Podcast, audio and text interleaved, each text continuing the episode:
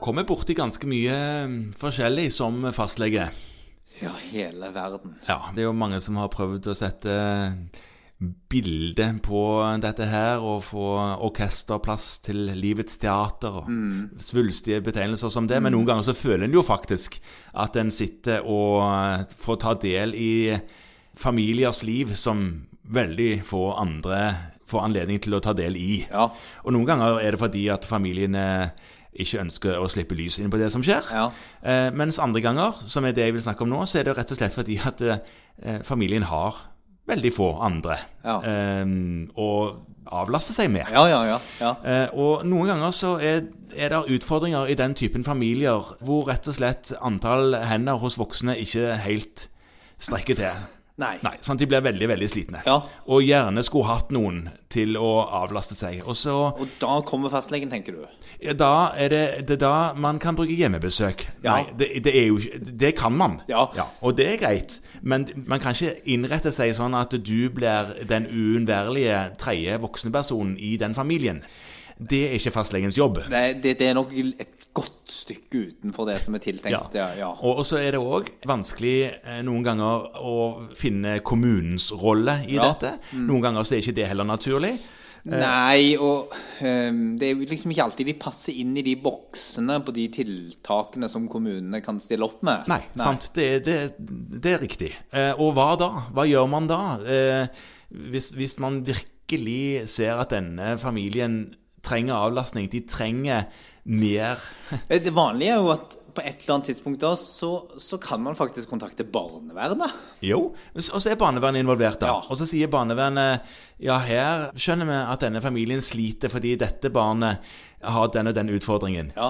Det hadde vært fint hvis det var noen som kunne avlaste med et sånn avlastningshjem, kanskje. Ja. Det fins, eller at man får avlastning på en annen måte, en sånn støttehjem på et vis. Ja. Forskjellige typer ordninger, men så var ikke det heller riktig. Nei. Har vi andre ting vi kan bruke? Nei, ikke sånn. Altså, da, da er man over på frivilligheten. Ja, Ja, eh, fordi at det- frivilligheten, ja. ja, Det var og- noe som heter Husmorhjelpen, husker jeg en gang i tiden. Ja. Jeg vet ikke om det fins lenger. Altså, Husmorvikar. Ja, Da men det er kom- ikke det jeg er ute etter egentlig, for det er ikke husmødre. Jeg vil, altså, de er flotte, de.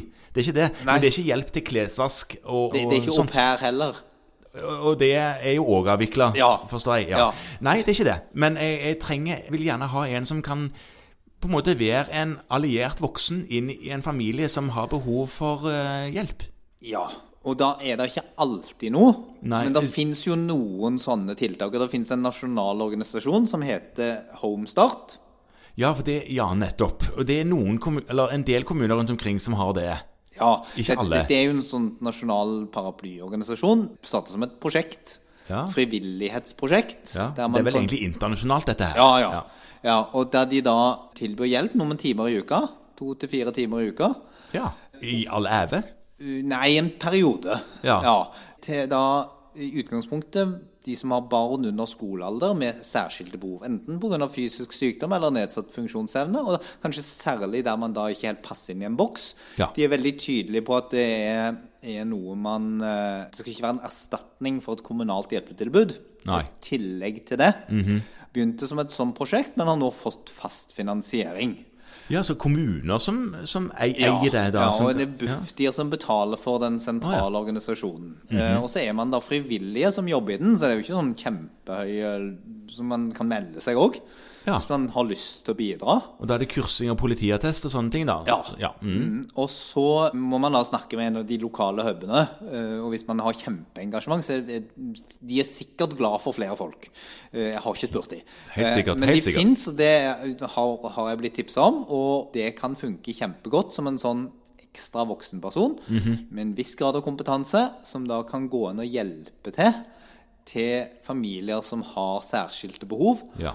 Og gjerne i tillegg til alle de tingene vi snakket om nå før så skal det som sagt ikke på en måte erstatte noen av de offentlige tjenestene. Det skal ikke erstatte besøkshjemmet til barne, barnevernet. Det skal Nei. ikke bes- erstatte eh, kommunale hjelpetilbud. Nei. Men det skal ligge utenpå som en sånn ekstra hjelp. for å få litt mindre slitne foreldre. Ja, og dette er homestartnorge.no. Ja. og Så går det an å finne oversikt over hvilke kommuner som har det. Ja, Og, og sjekke om det er mulig. Og det er langt ifra alle, men det er en god del. Det som òg er sagt, at det er et prosjekt for de som er eldre, altså som har barn opptil 16 år. Ok. Da pågår det et prosjekt. Så hvis man er interessert i å lese om det, så kan man gå inn og se på det. Nå er det jo ikke din oppgave som fastlege å komme på dette. Nei, det er jo forresten ikke du som søker engang. Det er foreldrene eller familien sjøl som søker om det. Ja. Men du kan vise til at det fins. Det som er veldig kjekt, det er å vise til at det fins, og vite om at det fins. Ja. Og at du da har noen ting å tipse om når spørsmålet kommer opp.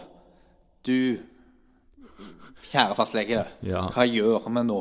Det er ingen andre å spille ball med. Nei. Hvor kan vi få hjelp? Eh, Så blir det iallfall et sykebesøk mindre, kanskje. da. Kanskje.